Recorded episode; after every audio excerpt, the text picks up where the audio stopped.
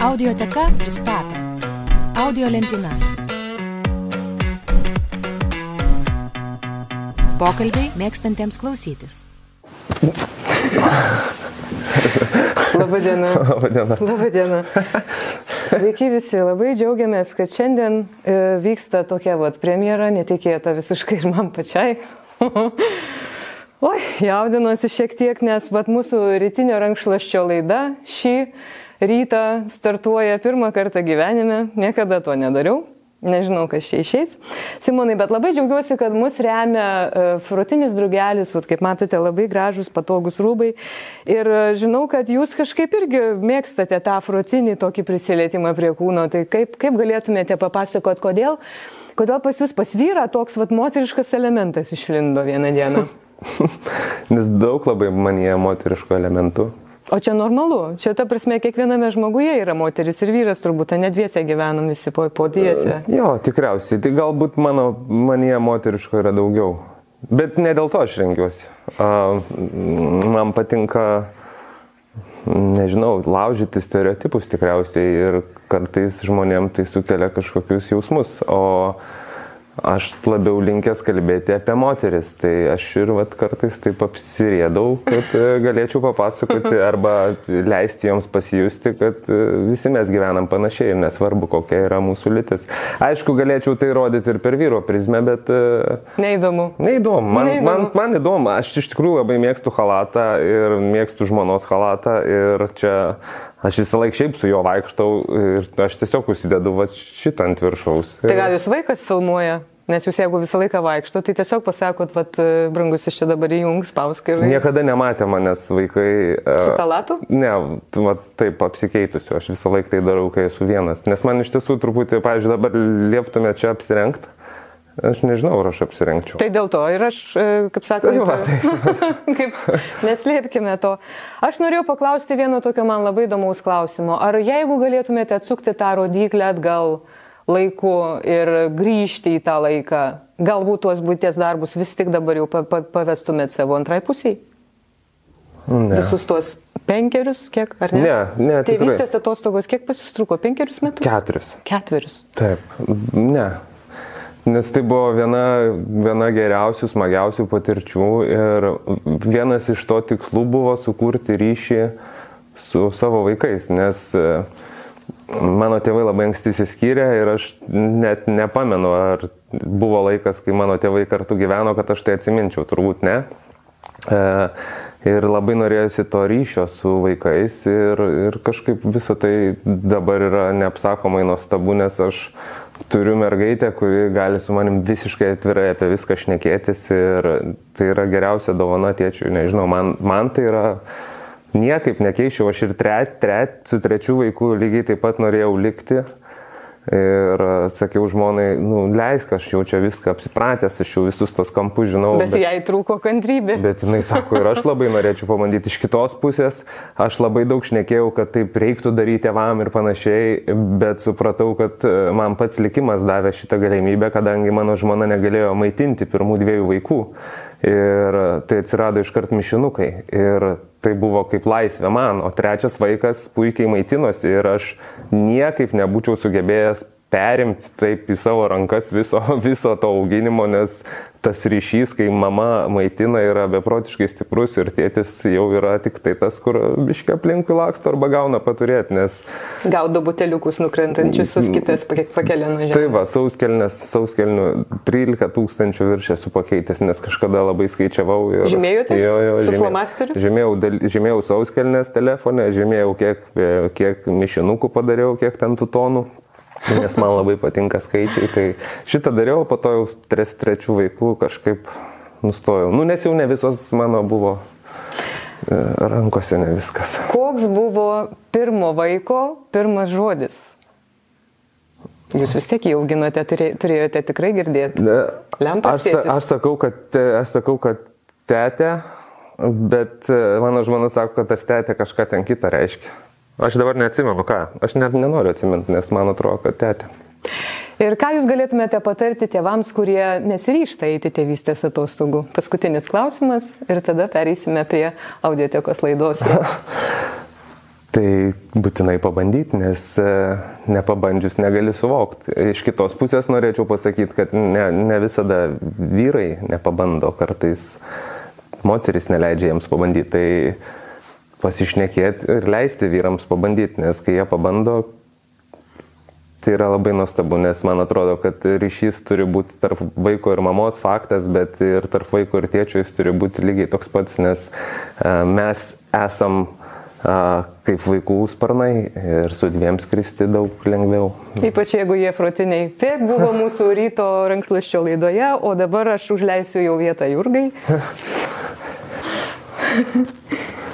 Vaikelį. Sunku. Labas. Labas.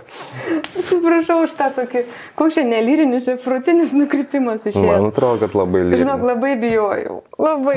Nes galvojau, tu tai nesidėsi halato. Nu kodėl tu turi dirbti atėjęs į studiją? Tai bet gal ne darbą. Man, nu, toks, aš tos filmukus darau tai... Dėl smagumo. Dėl smagumo, tikrai. Taip. O kaip tau, pavyzdžiui, ateina filmui kažkokia tai idėja? Ar iš vaikų, ar iš gyvenimo, ar iš savo prisiminimų kažkokio? Dažnai tai yra iš būties, ką aš esu patyręs pats, kartais iš postų kitų žmonių Facebook'ose, nes aš skaitau, ką ir kiti kalba apie tėvystę ir kai pajaučiu, kad, o, ir man yra buvę panašiai. Tai netgi kai prašiau pirmą savo knygą, e, daugelis po jos išleidimo netikėjo, kad ar ją rašė vyrai, kadangi nu, tokius dalykus, kuriuos aš ten rašiau, gali pa, pa, pajus ne va tik tai, moteris, tik tai moteris. Ir, ir man tai buvo įrodymas, kad nesvarbu, kokia mūsų lytis, e, darydami tam tikrus dalykus, mes pajaučiam tos pačius dalykus. Tai, tai va, tai aš kažkaip skaitau, matau, kartais kokiai nors knygoje skaitau kokias nors situacijas ir tos situacijos yra iš filmų. Mm. Nu, yra, yra daug, tik to, kas atsirado, tik tokia yra labai daug uh, dalykų, kur tu žiūri ir vienoda situacija, visi rodo ir supranti, kad jinai yra netgi pas kiniečius, pas amerikiečius ir pas mus tokia pati. Tai... Jo, tas bendras vardiklis. Aš primenu, kad mes šnekame su Simonu Urbanu, kuris yra ir rašytojas, Ir e, audio knygų jau mėgėjas. Taip, dėja, tikrai taip. Dėja patapo, nes labai labai daug vaikšto ir e, aš nežinau, kaip iš tikrųjų pradėti žmogui vaikščioti. Gal tu gali patarti, kaip e, žmogus, kuris sėdė ant sofos ir jam visai būtų įdomu nueiti tą tavo žygį kažkurį Lietuvoje, kaip jam atsikelt nuo sofos ir patikėti, kad jisai gali ir kur jam eiti. Į parkelį pradžioj. Tiesiog belė kur pradžioje, aš manau, bet Nežinau ir aš ar būčiau vaikščiojęs, nes žmogus, kai visiškai ramus gyvenime, kai jam viskas dzin, tai nelabai jisai eina. Man atrodo, daugelis pradedam eiti, nes pradedam jaus nerimą, o žygis yra geriausias vaistas nuo nerimo. Tai realiai aš dabar galvoju, kad aš, kad aš ėjau, kad aš ėjau galbūt dėl nerimo. Kitas dalykas, perskaičiau vieno tokio šamano straipsnį, kuris sakė, kad mūsų visas kūnas e, reaguoja visas emocijas ir žinant, kad mano vaikystė nebuvo pati lengviausia, man labai labai dažnai viskas nueidavo į kojas ir aš turėjau begalę daug traumų, jas polarizuodavo ir panašiai ir tai pasirodo pagal jį, kad viskas susijęs su šeima.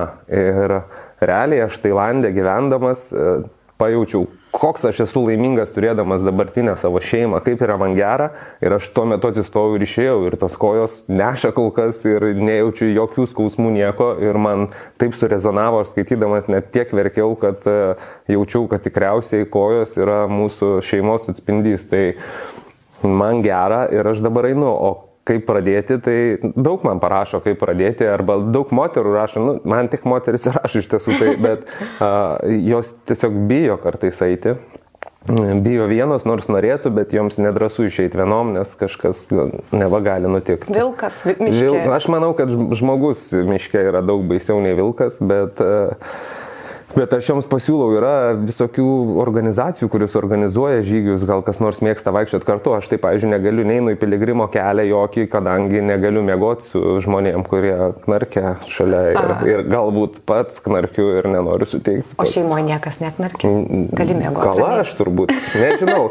Bet jau dabar man atrodo, kad ne, aš susitvarkiau, aš pradėjau mėgoti kitaip, nes mėgodavau ant pilvo, kiek žinau, ant pilvo mėgodavau ir knarkdavau, dabar mėgo ant nugaros ir man atrodo, nors mano žmona sako, sakė, kad niekad negirdėjo, bet, vat, pavyzdžiui, ošvienė, kai būnam, jinai, jinai girdėjo. tai, tai gal ir knarkiu. Tai va, tai tiesiog išeiti ir pasivaikščioti, aš galvoju, kad e, jeigu yra vaikų, tai galima gi su vaikais ir nebūtina pradėti vaikščioti po 20-30 km, tai ta vien pradžia išeiti, pavaikščioti kelis kilometrus yra, nu, kaip ir bėgti, nu, nenubėgsi maratoną iš karto. Kodėl nebėgimas? Arba negreitasis įėjimas būtum toks jau labiau o. Forestas Gampas dabar toks sulėtintas? Su greitojo įėjimu aš esu čia paeksperimentavęs. Aha. Ir man buvo labai nepatogu. Aš Ta prasme, aš tiek žvilgsnių susilaukiau, žmonės, žmonės juokėsi, o man dar vis sunku kovoti, kaip iš manęs juokėsi. Nu, kai aš darau kažką ale rimto ir juokėsi, tai, tai aš tikrai ėjau to greituoju ten ir wow.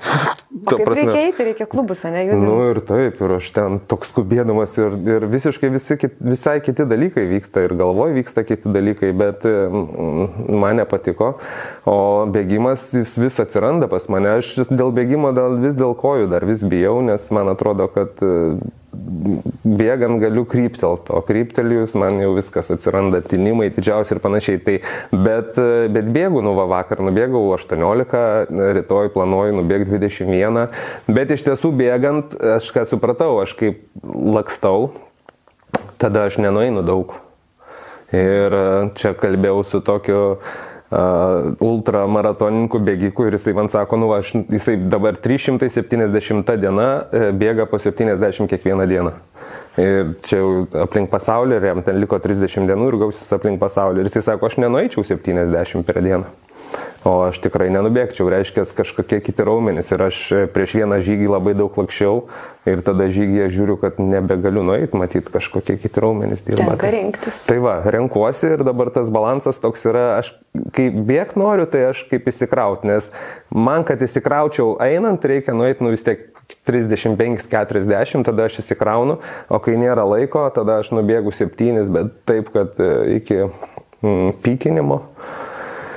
Ir va tada man pasidaro gera, ramu supykina žmogų ir gerą pasidaro. Čia tokia, va, nu, toks, žinai, dualizmas gyvenime. Kančia, taip, taip. Žiūrėk, aš atsimenu vieną tokį blogą patyrimą, dėl ko aš labai suprantu moteris, kurios bijo eiti per mišką. Ir vieną kartą grįžau iš žirgino tamsią naktį ir užkliuvau už girto žmogaus. Ir jisai sakė, o, žinai, iš pasamonų kažkur. Uh -huh. Aš buvau mažytė mergaitė ir man tai baisu buvo, kad aš tiesiog matyt įsivariau traumą nuo to laiko.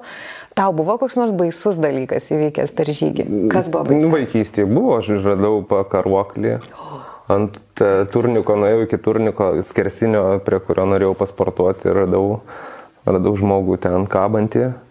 Bet realiai aš gyvenau visą laiką miške, aš nelabai, mano kelias į mokyklą buvo pusantro kilometro visą laiką per mišką, aš ne, niekada negalėjau išvengti tų dalykų, bet e, pirmuose žygiuose aš labai bijojau uh, bijojau eiti per kaimelius, nes buvo ta legenda, kad e, kultūrnamiai ten visą laiką tos muštynės kaimuose ir aš galvodavau, man išpola savaitgalis, nes tik savaitgalis išeidavau ir galvojau, va praeisiu kokį kaimą ir ten gerai lasdom užkapos. Kabinėjasi kažkas? Niekada nieko nesutikau, ta prasme visi kaimai ant tiek tušti, vis taip gaila iš tiesų tos Lietuvos. Aš ne dabar norėčiau to kultūrnamio, norėčiau, kad ir nelabai malonaus to vaizdo, bet kad būtų tų žmonių, niekur gal, nieko nėra. Gal tu trečią ryto eini? Ne, aš ne? einu visai ir aš, ta prasme, aš einu 15 valandų per dieną, tai man sutampa ir rytas, ir vakaras, bet aš nu, nesutinku, sutinku užkaltus langus, užkaltus namelius ir, ir suprantu, kad nelabai ne yra ko bijo dabar miškuose irgi taip reta kažką sutikti. Nieko, žinok, mes pagyvensim mieste,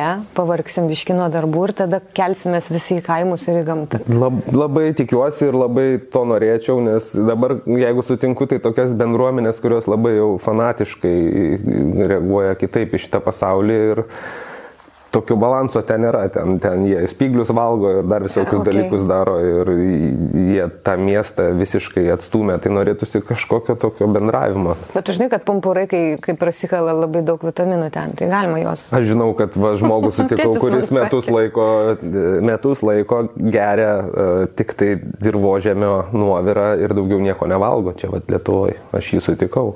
E, nes 5 cm dirvos viršus yra visi vitaminai, taip sako. Tai, tai va, tai gali būti. Supratau. Vis... O kas dar įdomaus, kokia, pavyzdžiui, įspūdingiausia kelionė? Ar jinai buvo Lietuvoje, ar, ar. Įspūdingiausia tai buvo pats pirmas mano žygis Tailandė, kadangi aš niekada nejau ir sakiau, kad neįsiu, atsistojau, iššokau į tapkės ir nuėjau pėm kilų, tai a, per gyvatės, per vorus ir per visus dalykus, per krioklius ir tai buvo gera, kad aš va, dabar galvodamas, prisimindamas, galvoju, kad buvau tikrai labai drasus, nes a, Bet žinau, kad jeigu turi telefoną, turi spėti nufotkinti, kas tau įkanda ir tada tau spėja suleisti tų vaistų, kurių reikia. Tai, o po to čia jau Lietuvoje tokios buvo, e, tai turbūt pati pirma, aš žygiavau iš Vilniaus į Kedainius, e, man davė dvi naktis, tris dienas. Ir... Davė žmona? Taip, nu, nes aš niekada nebuvau palikęs e, realiai šeimos ir, ir man toks buvo viduje, kaip, kaip aš čia taip galiu, bet jinai sakė, tu aišku, eik Ir aš nuėjau į batų kalną, nusipirkau kažkokius labai pigius batus, uh, užsidėjau spalvotas koinės, žodžiu, pasiruošiau taip, kaip man atrodė, kad reikia žygiui pasiruošti. Pasižiūrėjau žemėlapį, tai rodė 130 km, nes pasižiūrėjau, kaip mašinas važiuoja ir, ir, ir išėjau. Tai gavosi 180 km, uh, turėjau didelę panikos ataką, pamečiau dantį. O nuo ko panika buvo? panika buvo, jau mano kūnas galvojo, kad aš jau esu finišė, nes buvo likę 10 km.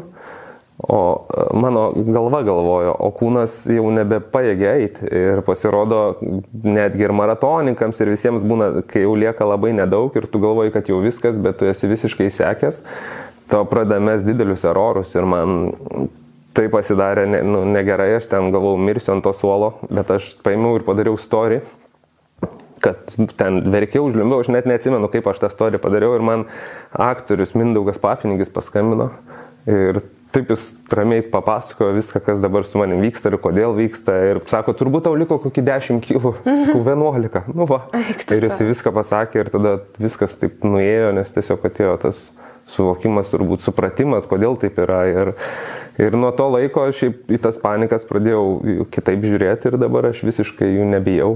Jos kartais pasirodo, bet aš su juom pasisveikinu, leidžiu jom, jom pabūt manyje ir, ir, ir atsisveikinu. Tai, tai va, tai tie kedainiai buvo labai stipru, nes tie 11 km, kur galvau nueiti, atėjo ir antrą kartą panikos ataka, nes buvau nusistatęs į Vilainius už Kedainių miestelį Ir kai mane atvedė, pasirodė, kad dar reikia 2,5 kilo eiti per plačius visus vilainius iki mėgamo vietos, o aš jau, jau buvau viskas, nebe, nu, iš vis nebegalėjau. Aš jau nesakau, kas buvo su mano kojom, nes aš pasirinkau prastą valynę, neturėjau kojinių, nu, visiškai nepasiruošęs. Ir paskutinius 300 metrų šliaužiau, realiai šliaužiau, gulėjau ir tempiau tašę, ir atšliaužiu, tempiu tašę, pašliaužiu. Ir tai buvo... Link kur šliaužiai? Link ošvienės namų. ten, kur turėjau mėgoti. Nes aš tikrai, tarsi, žinau, kad va, tik ėjimas, ar net tu sakai, kad tau kažkas pasakė, va, filosofas mhm. kažkoks, kad tik ėjimas, lietuviškai gražiai sudėtas žodis yra ir išėjai. Bet kur yra, kaip tu įsivaizduoji, va, tas, ta stotelė, link kurios tu eini kiekvieną kartą? Ar dabar tai, tai suprantu, kad, koks? dabar suprantu, kad yra tiesiog tas pats ėjimas. Ir ten yra viskas, ta prasme, ten yra tas malonumas. Tiesiog aš nemoku uh, nemoku sustoti, jeigu, pavyzdžiui, blogai. Ir va čia šitoj vietoj labai stengiuosi dabar mokytis, ja, nes galvoju, nu, ne, sunku nu, išsikvies ką nors. Ir... Nu, tai aš norėjau sakyti, Bet kam tie 11 aš nesuprantu. Aš, ne, aš, ne, aš, dar, aš nežinau. Tiesiog tai yra kažkoks įrodymas čia savo, kažkoks, aš nežinau kaip vyriškai savo vyriškumą įrodyti ir galbūt tai yra mano čia savo vyriškumo įrodymas, kad aš čia per kančias pasiekiu arba, arba šiaip aš labai daug dalykų metu nepadaręs ne, ne iki galo ir čia tai jau buvo nuo mokyklos ir, ir tik tai sportė aš įrodinėdavau iki galo dalykus, bet tai irgi prisidariau dalykų, krepšinėje man palirižuodavo kojas, bet aš vis tiek ten eidavau, nes atseit norėjau į tą Ameriką išvažiuoti. Norėjai, norėjai būti krepšininku ir kaip gavosi su tą Ameriką? Užliejo New Orleaną. Nu, ta prasme, gavosi taip, kad aš, nu, viskas neblogai buvo. Mano ūgis, aišku, nebuvo krepšininkui skirtas ir Bet didelis noras buvo, daug pastangų dėta ir daugiau aš apie nieką negalvojau. Ir šiaip aš net mokykloje nelaikiau jokių egzaminų, kadangi mane pasirinko sporto katedra KTU ir aš galėjau studijuoti, ką noriu, be egzaminų, tai aš į mokslus net nežiau, nes aš galvojau, kad krepšinis atvers man visas, visus kelius. Ir, Ir jau kai buvo pati galimybė išvažiuoti ir paliesti Ameriką, tai didysis tsunamis užlėjo visą miestą tuo pačiu ir mano koledžą. Ir čia jau buvo, tada pradėjau, sakau, palerižuot kojas. Ir KTU tik įstojus įvyko pačios pirmos traumos rimtos ir viskas. Ir, ir kažkaip. Ir tada aš labai pasimečiau, nes neturiu mokslų, neturiu svajonės, kurios siekiau, nes jinai jau visiškai nepasiekiama. Ir išvažiavau į Angliją, kaip ir visi, tipo, užsidirbti, užsimiršti, nežinau, ką ten daryti. Ir Ir ten supratau, kad visiškai nenoriu tokio gyvenimo, aš nenoriu tose statybose dirbti, man tie žmonės pradėjo labai nepatikti, ten, su kuriais aš e, turėjau dirbti, kolegos mano, nes man labai pradėjo rūpėti kažkokie gilūs dalykai, o ten gilių dalykų buvo mažai. Ir tada dar gavau skambutį iš Kauno kolegijos ir sako, gal tu nori studijuoti ar gali žaisti. Ir galvoju, galiu, sakau. Ir pasirinkau aš dvi specialybės. Ir Ir ten iš karto man plyšo vėl viskas, ir, bet ten atradau malonumą mokytis ir tada atstovybė, seniūnas, tada pirmūnas ir, žodžiu, visai visai kiti dalykai. Ir, oh, ir supratau, kaip yra jėga, kaip yra jėga mokytis ir kaip gaila, kad aš to nedariau ir kankinausi labai daug metų mokykloje. Tai, Tai va, tai o po to įstojau čia ir į VDU, ir į psichologiją, bet e, ją, ją mečiau labai greit, kadangi peržiūrėjęs viską, iš ko mokysime, supratau, kad aš viską jau esu perskaitęs. Tai, mhm. tai va, tai laikiau per naują egzaminą, žodžiu, e, naujai kažkaip pasižiūrėjau visą tai. Tai va, ir knygos, aš dabar šiandien pradėjau klausyti Dievų mišką. Ir... Va, nes tu jį rekomendavai. Taip, nes, nes ta prasme, aš kažkaip galvojau, e, Ai, ne, palauk, ne, Dievas su šlepetėmis, jo, o dievų miškas, miškas tai nes... šiaip, nu čia reikia tiesiog. Turi, turi, taip, ir aš mokyklai kažkaip sugebėjau tai apeiti ir daug aš dalykų apėjau. Aš interpretacijas rašydavau arba filmus pasižiūrėjęs, jeigu būdavo ekranizacijos, arba iš išvadų, arba iš kitų interpretacijų. Ir aš nieko nesu skaitęs. Danuko Danduliuko nuotykiai, sakau, tai buvo vienintelė knyga iki 17 metų. O dabar labai norisi kažkaip visą tai, ką buvo mokykla paruošus, perskaitytų. Žinai, ne vienas tu čia toks. Ja. Audiotekos fanų klube yra labai daug žmonių, kurie nemėgo skaityti popierinių knygų, bet atrado per audio formatą. Ir norėjau dar pasakyti, kad šiaip pas mus, kadangi daug yra tų saviugdos knygų, tai mhm. kaip tu žiūri apskritai knygos pagalbą kaip tokią? Auklėjant vaikus, pavyzdžiui, tau padėjo knygos, ar tu iš intuicijos viską darai? Domėjai? Ne, aš labai daug skaičiau, nes aš ne, ne, nepasitikėjau savo intuiciją šitoje vietoje, kadangi nežinau, kiek jinai tikra arba kokia turėtų būti, nes aš visiškai to modulio nesupratau, kaip reiktų auklėt.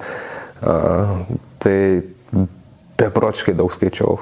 Matai, pas mus yra audio knygų apie, apie tai. Aš jau ten viską, viską man atrodo. Praklausęs? Tai, dabar žygyje paskutinę klausiau Ramus tėvai, laimingi vaikai. Uh, tai Tai kaip ir viskas aišku dabar jau. Bet e, labai smagu, kad e, tau primena dalykus ir kartais mes užsimirštam ir, e, ir kai tai primena, tu vėl galvoji, čia gal biški jau nusivažiavau arba biški mažiau reaguoju. Lygiai taip pat aš dariau atsakingą tėvystę, tokią konferenciją, kurioje būdavo pirmą dieną skirta iki, iki mokyklinukams, tėvams, kurie turi iki mokyklinukus, antra diena buvo jau apie paauglystę. Tai pirmą dieną susirinkdavo pusantro tūkstančio tėvų, o į antrą dieną ateidavo kokie 300. Ir supratau, kad mes, kai gimsta, labai labai norim viską žinoti, norim padėti ir atseit. Ir kai jie tik pradeda patys kažką savarankiškai dalyką, dalykus daryti, mes atsitraukiam, nors iš tiesų nereikėtų to daryti. O yra tai... ta stigma, ne, kad paauglys yra sunkus variantas ir ten geriau iš vis nelyst, palaukti, kol praeis. Paaugliai yra faini, kol ne mūsų kažkaip taip, aš kažkur esu. Nu, žinok, aš pati turiu paauglį ir mes kažkaip labai būtent laukiam, kada ta paauglystė prasidės jau kelis metus ir kažkaip jinai neteina, nes tiesiog tiesiog kalbamės. Tai va, ir ta, ta paauglystė šiais laikais seniau tai buvo labai aišku, ten nuo, nuo 12 iki 16 turim ten ar iki 18 paauglį ir ten kažką darom. Dabar paauglystė prasideda nuo 8 metų ir gali tęstis iki 24, nes visa tai labai įsitempia čia dėl mūsų visuomenės ir dėl, nu, dėl, nu, dėl visų dalykų. Ir, ir dabar aš turiu 8 metę, kuri jau matau, kad turi daug paaugliškų dalykų, kurie turėtų būti jai atėję gal 13 metų, bet, mhm. bet taip ir aš stengiuosi kalbėti, nes Nes paaugliui reikia įsikalbėti, nes jeigu ką, tai jisai pradeda kitur kalbėti, kurį atseit suprastų, o dažnai tai gali būti fainai, jeigu tai yra mokytojas kuris supranta ir jis turi ryšį. Tada tokie vaikai gali siekti mokslų ir kažkaip, bet labai dažnai, net ir mano pačio atveju, tai buvo bendruomenės, kurios nėra geros, kurios, kurios nekokį pavyzdį rodė, bet man atrodė, aš ten jaučiausi kaip savas. Bet tu atsilaikiai? tam neigiamam kažkokiam poveikiui? Nu, ne, nežinau, ne, nu, aš ne, nebuvau teigiamas paauglys, aš buvau, nu, manau, kad nelabai geras vaikas. Bet iš tokių kažkokie geri žmonės man neužauga neretai. Daug turiu, kurie kažkur dabar yra, neaišku kur, bet e, e, aš dabar iš tikrųjų darau dalykus, aš atsiprašinėjau klasiokių, nes aš buvau patyčių meistras ir, ir iš tiesų esu tiek skaudinęs, tiek skaudinęs vaikų aplinkui save, bet tai iš savo skausmo aš tiesiog nelabai mokėjau kitaip turbūt su juo dorotis, tai dabar aš taisau tos dalykus, nors ne, ne, net yra klasiokių, kurios nenori šnekėti, aš esu užblokuotas ten Facebook ir panašiai, mhm. nes turbūt sukėliau labai didelį skausmą. E, yra merginų, kurios sako, kad e, būdamas ten toj, tarptų tą savo bernų, tu buvai visiškai netikras, nors man atrodė, kad ten ten bėgti iš pamokų, daryti dalykus, e, kažkokius lengvus nusikaltimus yra, yra geras kelias. O kada tau įvyko lūžis? Vat kada tu supratai, kad reikia jau atsiprašyti? Kai pakvietė jaunučių turbūt rinktinę, tada iš vis kažkaip prasidėjo labai daug krepšinio ir, ir aš turėjau savaitę šešias treniruotės ir, ir neturėdavau laiko labai daug su jais. Bet kad atsiprašyti, tai tikriausiai atsiradus mano vaikam tik tai. Nes terapijas pradėjus, man, man atrodo, terapijose pradėjo visi. Nes aš sakau, savo praeitį esu tiek ištrynęs, tiek uždaręs, kad e, aš ten tos mokyklos neatsimenu, atsimenu ten kažkokius dalykus, bet, e, bet tikrai nepagrindinius ir santykių visiškai. Ir vat, va, atsiradus vaikams, matyt, kai vaikai gimsta, mes vėl išgyvenam savo dalykus, savo vaikystės ir, va, ir tada prasidėjo. Tu man priminiai, nes tu, kai, nu, mes, žodžiu, su Simonu šnekėjom per interviu, aš norėjau tiesiog rašyti postą su mūsų filmu antruoju e, bėgikas. Ir tu pasakai, kad tu neatsimeni tėčio ir man labai surezonavo, nes aš irgi, nu, nu vat, iki septyniarių metų, aš, aš tiesiog neatsimenu, septyniarių jisai pasimirė, kai man buvo septyneri. Ir aš galvoju, kodėl, kaip tu manai, va, tie va, prisiminimai, jie taip atrodo svarbus žmogui. Ir kaip su jais galima tvarkytis, nes mano atveju tai buvo animacinis filmas, kurį aš sukūriau, supratau, kad aš susikūriau savo, tėčio įvaizdį ir aš esu rami, nes 50 procentų manęs yra tėtis viduje ir aš jį atpažinau viduje. Kaip tu su mhm. šito dalyku tvarkėsi? Um, man tai atėjo suvokimas, kai pasiūlė uh, filmuoti apie mane dokumentinį filmą. Ir, ir mes ten tokius demo visokius filmavimus turėjom ir jie pasiūlė uh, važiuoti, nes aš pasako turiu apie vaikystę, aš nelabai ką prisimenu. Ir, ir, ir po to aš, jie filmavo, kai aš turėjau terapiją. Mano psichoterapeutas leido ją nufilmuoti. Nu, jo nefilmavom, žodžiu, bet jis leido nufilmuoti mano terapiją ir tai buvo pirma terapija, kalbant apie šeimą. Ir, ir aš ten kalbėdamas vieną prisiminimą kažkokį pasakojau aš taip tikrai jį žinau ir mes įsikalbėjom, kad jo nebuvo. Kad aš esu visiškai jį susikūręs ir tiek kartų jį papasakojęs, kad jisai visiškai yra tikras, nors, mhm. nors nebuvo tos stovyklavėtės, nebuvo to dalyko, kurį aš galvojau, kad jisai buvo. Ir tada man pff, toks atėjo labai stiprus kažkoks pojūtis, kad e, daug dalykų visiškai netikrų, kad galbūt viena močiutė pasakodavo vienus dalykus, kita močiutė pasakojo kitus dalykus ir kiekvienas turėjo savo iliuzijų ir savo norų ir savo susigalvotų kažkokių prisiminimų ir man subėrė viską ir ten jie, jų daug nesuėjo. Ir, jie netavo. Netavo ir jie net neaišku jau kuris tikras, kuris ne. Ir, Ir tada jie man pasiūlė tą filmą, nes tas filmas pradžiai turėjo būti apie žygiavimą, pakeisti į prisiminimus. Sako, tada važiuojam per tavo tėvus, važiuojam per visur, filmuojam ir tu kalbi su savo tėvais ir dabar kaip suaugęs žmogus ir, ir klausi tam tikrų dalykų, kurie tau įdomus. Ir aš tada įsigandau, nes kažkaip galvojau, kad tai gali sukelti daug skausmo mano šeimai, iš esmės galbūt prieš kameras vėl niekas nenorės būti tikri.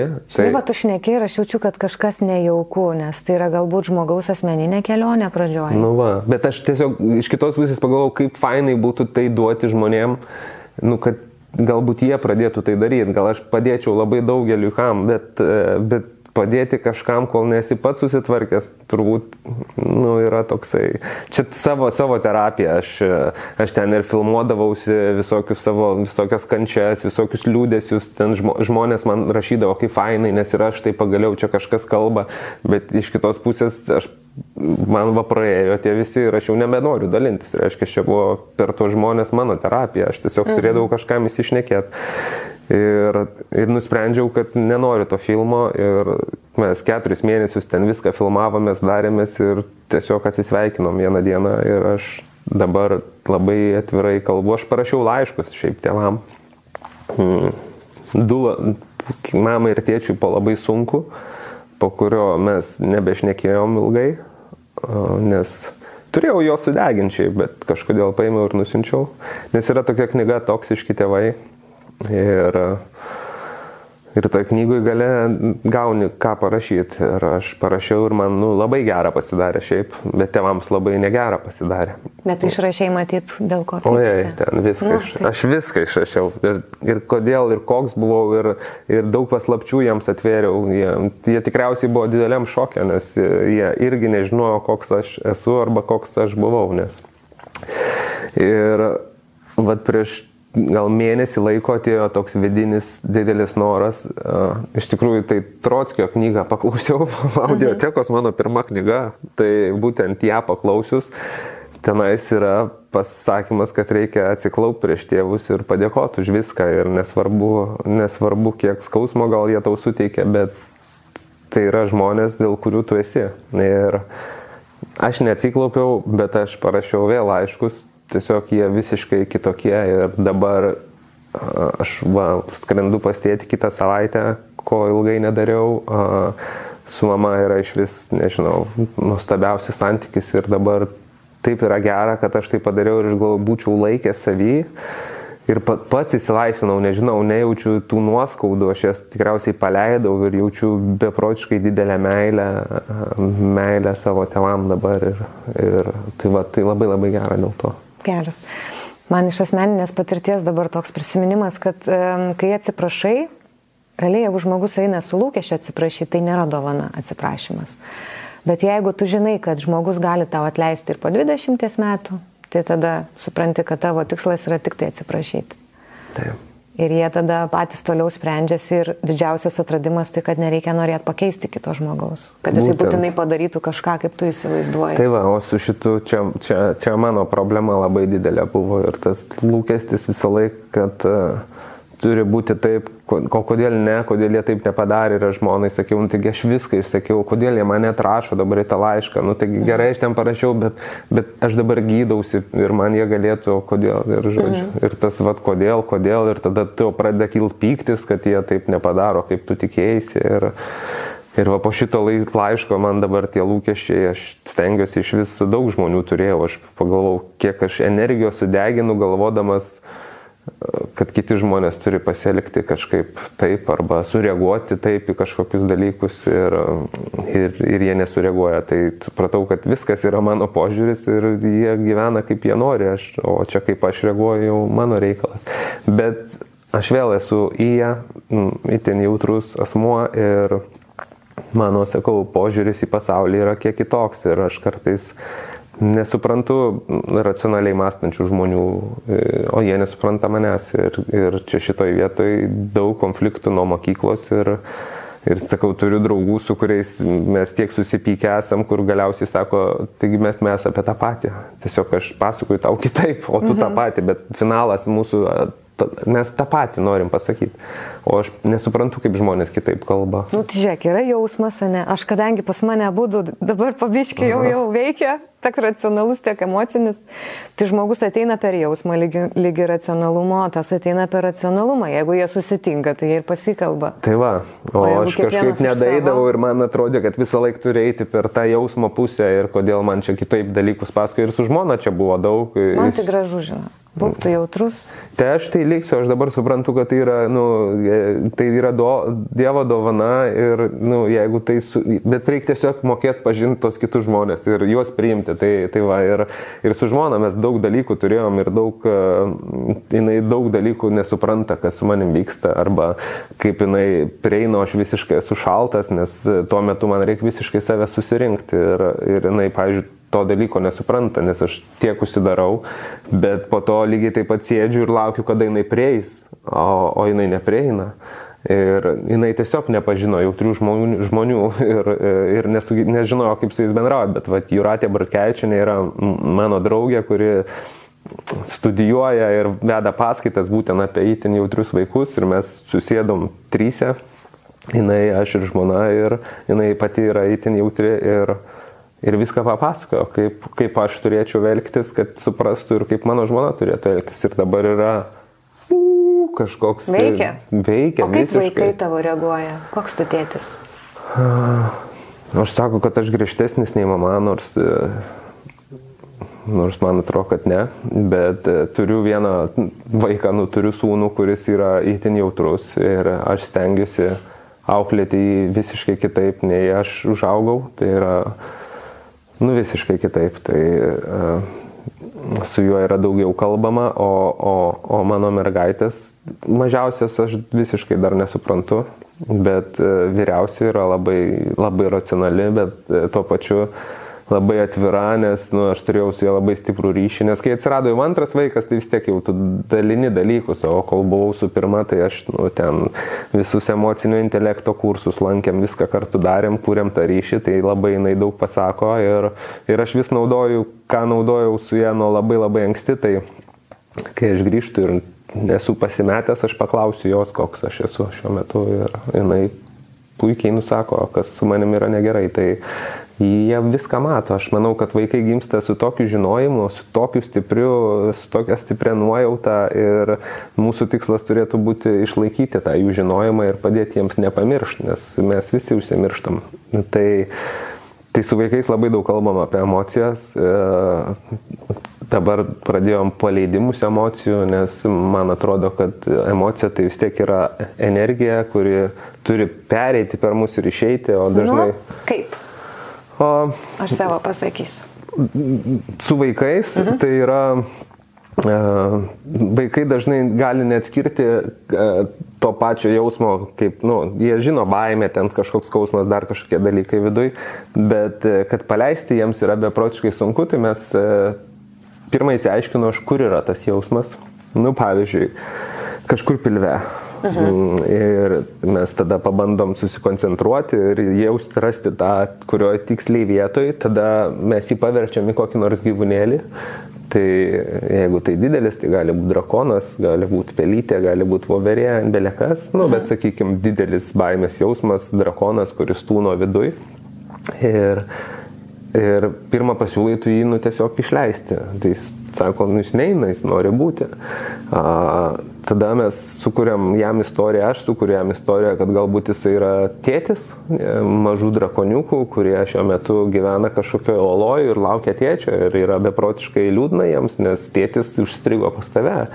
Ir tada kažkokius darom dalykus, kaip įsižiojam arba išrėkiam, arba dar, kad a, ten jis netelpa per burną, tada dar stipriau rėkiam ir jisai kažkurio momentu paima ir išskrenda. Ir, ir su tuo ir išskrenda ir emocija, nors kartais nu, jie gali nesuprasti supras, kas čia įvyko vaikai, bet, bet tuo metu, ta prasme, vis tiek tas jausmas jis išeina. Tai, Lygiai taip pat aš jau į visokias kursus paleidimų ir man irgi labai sunku būdavo paleisk, sako, dabar paleisk, dabar per šypseną paleisk, ką žinau, nu nėra, neišeina, nu jis yra, yra, bet galiausiai kažkokius darant dalykus, galvojant uh, ir stengiantis, uh, nesistengiant turbūt tiesiog atsipalaidavus, nu tie jausmai tai išeina. Tai va, tai aš jų pilną turiu ir man tuos senus aš nežinau, kaip paleisti čia, turbūt nuoskaudo čia, nu aišku, terapija. Noriu pykti, pasiūlysiu, kaip paleisti. Nu. Mes per psichologijos klubą paskutinį, kurį su Gintaru Šmatavičium su kurio ir knygą esame garsinę audiotekoje įvedam.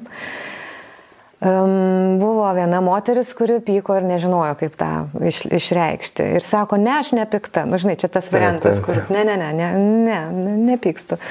Tai gintaras labai gerą pasiūlymą pasakė, kad kiekvieną dieną penktą valandą jūs pykstate, sako. Bet lygiai penktą valandą mes visi pradėjom labai juoktis. Ir aš paskui su ja šnekėjau, tai jinai bet savaitę bandė tą dalyką daryti, jinai sakė, aš nesugebėjau pykti, pas mane vien juokas eidavo. O juokas yra Taip. atsvara pykčiai, tai yra, va, jeigu pyktis yra tas juodasis drakonas, tai baltasis yra angelėlis, yra juokas. Ir jeigu jau išeina nuoširdžiai juoktis, tai reiškia, kad pyktis jisai pasisprendė. Mhm. Tai va, vienam drakonai, kitam Na, nu, tai va, man lygiai taip pat ryčio seminarė, kaip tu nepaleidi, nepaleidi, o tai sako, nu tai dabar juo, tai juo, prasi, nu juokis. Nu, juokis, ir tavęs pras... Sakai, piktam žmogui juokis, taigi jis nesijuoks, reikia nu, laukti tam jo, savo laiko. Kažkaip, bet jisai visai taip sugebėdavo ir po to tu pradedi juoktis iš tokio, nu, durnumo, nu, tai kokia nesąmonė, apie ką tu čia šnekėjai ir vis tiek tas juokas, jisai kažkaip išlenda ir... Uh, tai va, mano vaikai dar, nu, mes labai kvepavimus paprastus ten darydavom, nu, ten, kaip pakvepuoti, kaip... Uh, kaip nusižeminti truputį, kaip atsiras čia ir dabar. Ir mm, vienas iš mano dalykų tai yra man, nu, va, išbėgimas tas greitas. Ir aš visą laiką tevams sakau, kad labai sunku ir lygiai taip pat ir su vaikais susitart, kai jie yra toje emocijoje. Ir su manim irgi sunku susitart, kai aš va, tuo metu įsižeidžiu arba supykstu ir nu, man reikia kelių minučių. Tai mano, mano dukra vis laik sako laiptinė. Ir mhm. tai yra, kad aš turiu iš... Coca-Cola gerti. Išbėgti. Taip, mašina.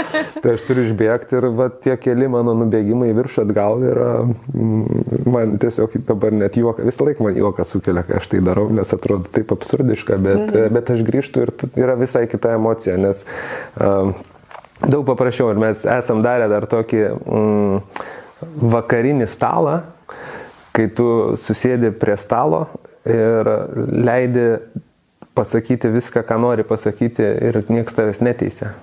Tai yra, kad e, aš esu ten pasakęs, kad išeinu žygius, pavyzdžiui, ir nėra to, kad tai dabar mums su laiku, tai kai aš čia vaikus, prie to stalo niekas negali pasakyti, kad tai yra blogai. Lygiai Kiek taip pat. Stalas kainavo ir kur jį galima įsigyti. namie, namie, tiesiog prie arbatos, ir, prie arbatos ir sausainių.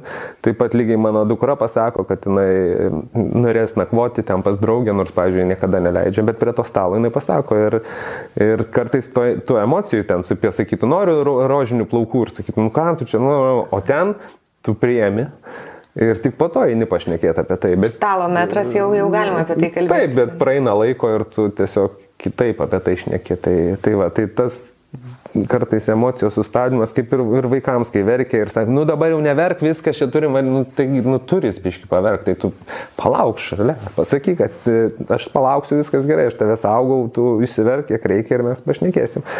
Ir tada gali šnekėti, nes šnekėti toj pačioj aukščiausiai emocijos būsenoj, kur yra liūdėsys ar ten pyktis, yra nu, neįmanoma. Kas yra tavo juoko šaltinis? Nu, laimės, kitaip tariant. O juokas yra laimė? Aš manau, kad nuo juoko iki laimės yra šalia. Laimė yra lapė. um, šiaip aš mažai jokiuos. Bet juokinti tai tu visus. Tai, normaliai. bet čia vėl kažkas, nežinau. Bet... Uh, Čia tiesiog kontaktas toks su žmonėmis, aš taip įsivaizduoju. Na nu, taip, paprasčiau man. Matau. Man paprasta pa, kažką pasakyti. Aš, aš kartais nu, rimtus dalykus per tą juoką pasakau, kur nu, žmonėms atrodo jokinga, bet tuo pačiu jie supranta, kad aš juokiuosi iš tokio dalyko, kurį, pavyzdžiui, darau, kai tai yra ten e, vaikams arba bėgu tos Coca-Cola ir ten panašiai. Tai gali būti jokinga, bet iš tiesų tai, nu, ką žinau, ar tai jokinga. Realybė. Tai... Realybė, taip. Tai vat, nu, daug lengviau turbūt per tą juoką mm, susitapatinti žmonėm, jie lengviau pa, priema viską ir, ir kažkaip tai taip. O... Gerai, tai laimės tada šaltinis. Keičiu klausimą. Nu, gal ir banalu, bet, nu, šeima, nežinau. Kažkaip at ko visą laiką atrodo ieškojau ir kur nesijaučiau arba pavydėjau tos laimės. Man atrodė, kad e, neįsiskyrę tėvai tai yra laimė visą laiką vaikystėje. Nu, aš taip žiūrėdavau į žmonės ir man taip atrodė. Tai, e, tai šiuo metu man atrodo, kad yra taip. Tas e, galėjimas matyti, kaip auga vaikai ir neužsiknisimas darbuose, tas mano susidėliojimas gyvenimo, kad aš galiu bet kurią bet kada nuvažiuoti ir paimti vaiką, man atrodo, yra labai laiminga, kad aš galiu taip gyventi, laisvai gyventi. Tai, tai ta tokia... Mm, Tai va čia yra ir, ir iš kitos aš labai pagalvojau, kad tie patys žygiai, nežinau, aš e, kartais sąžinė man užgreužia, kai aš einu ir eidamas laukuose galvoju, kad esu namie. E, iš esmės suprantu, kur yra mano namai, bet vidus sako, kad va, čia šitoj, va, šitam, nežinau, matėme visko, debesų, šakelės, aš einu ir lapas koks nors nukritęs ir aš paimu tą lapą, žiūriu ir nu niekada... Žinau, ne... tai... žinau, aš kaip bėgu, žinok, tai visi bėgi kaip pyksta, nu mane sako, jūs kaip čia dabar drįstat, vos nežinai, pasmerkiančių žvilgsnių, aš tuo metu fotkinu gėlytę, nes nu, tai yra va. rudens gėlytė paskutinė. Ir kaip gražu, ir va, va tas sugebėjimas, nu nežinau, ar tai sugebėjimas, man per ten aš sugebu tai daryti per tos žygius, pamatyti tos dalykus, tą žemės grumstą, aš nežinau, nu, bet ką, sakau, eini, kur aš nu, nenufotkintum nieko. Tai man jau čia vien kažkada aš pagalvojau, eina turistai ir, nu, tipo galvas užverti tam Vilniui kažką fotkina ir tu užverti ir tu matai, kiek ten yra visokių statulų, visokių taip, taip. dalykų, kurių... Gedimino prospekte yra drakonas, visi einam ieškoti. Nu, va, drakonas. O aš gyvenu virš namo, kur kažkoks tėtukas ar kažkas ten laiko ant pėties kažką ir irgi mano nu, vaikai parodė. Tai man, man va, tas e, sugebėjimas ir iš tiesų vaikai labai daug dalykų šitų mm, padeda e, sustoti ir atrasti. Jeigu tu neskubi neeinamės, jeigu tu eini ir leidi, leidi jiems matyti ir matai jų akimis, tai sakau, nes ką, pasižiūrėtume pro langą, Čia reiks kiečio ar nereikia, ne, su vaikais pasižiūrėjęs pro langą gali va dramblį rasti debesį. Gal reikia. Tai, tai, va, tai man šitas, šitas jų požiūris labai, labai patinka, nes vaikų akim labai smagu gyventi. Ką galėtum patarti žmogui, kuris yra jautrus, biški nelaimingas, užaugęs galbūt netokioj šeimoje, kokią įsivaizduotų savo ir kuris labai norėtų tapti laimingu? Yra koks nors tavo toks asmeninis Aš... Simono receptas? Tai pradžiai pradėti e, mylėti save, tai, o būdai, tai aš visą laiką galvoju, kad terapija yra labai geras būdas ir e, visą laiką rekomenduoju. Aš ką seniau darydavau blogai, tai aš perskaitęs knygas, ten visokius dalykus labai sakydavau žmonėm, ką jie turi daryti, kaip tą laimę atrasti ir panašiai, bet suprantu, kad e, viršui visą laiką sėdi akis, kurios stebi mane ir sako, žiūrėk, tas labai daug šneka.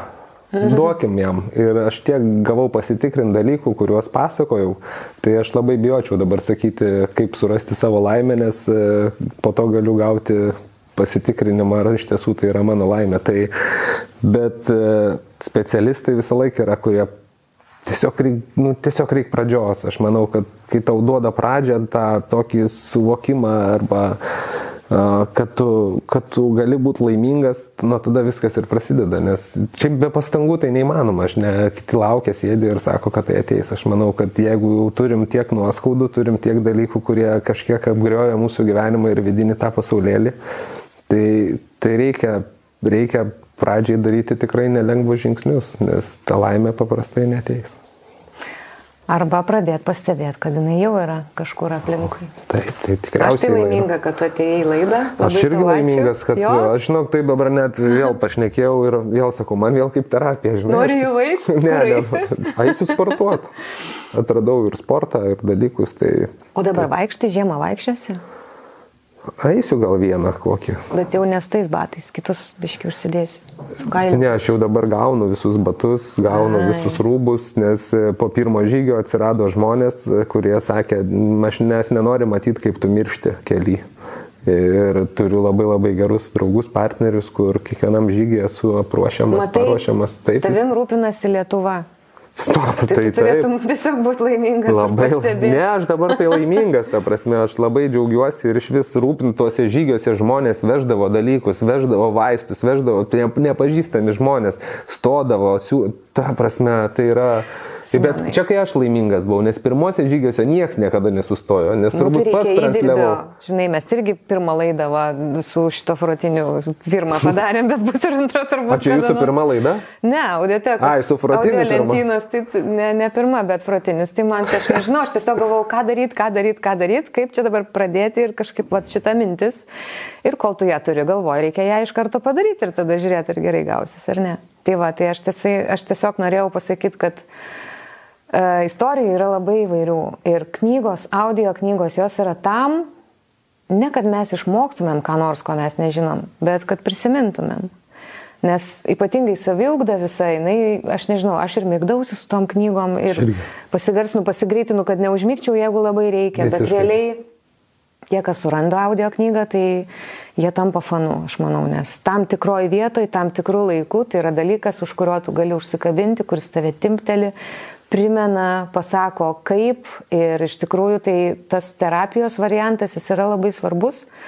Bet yra visokiausių būdų ir jeigu žmogus nežino, tai aš manau, kad mes tuim abu galim pasakyti, eik, bėg, greituoju ėjimu, jeigu nori žmogus nu- nugalėti baimę, ką kiti pasakys, tai greitasis ėjimas yra pats geriausias būdas, aš manau. Taip, bet gali ir labai labai lietų ėjimų daryti, tai vėl tu atrasi tokius kitokius dalykus. Taip. Tai kiekvienas, man atrodo, e, pabandęs supras savo, bet e, ką reikia, tai tiesiog pabandyti. Jo, tiesiog pasijaus, kad tu esi tam procese gyvenimo ir tada viskas po truputėlį paaiškės. Tai va. Ačiū. Geros dienelės ir iki kitos laidos. Man labai patiko.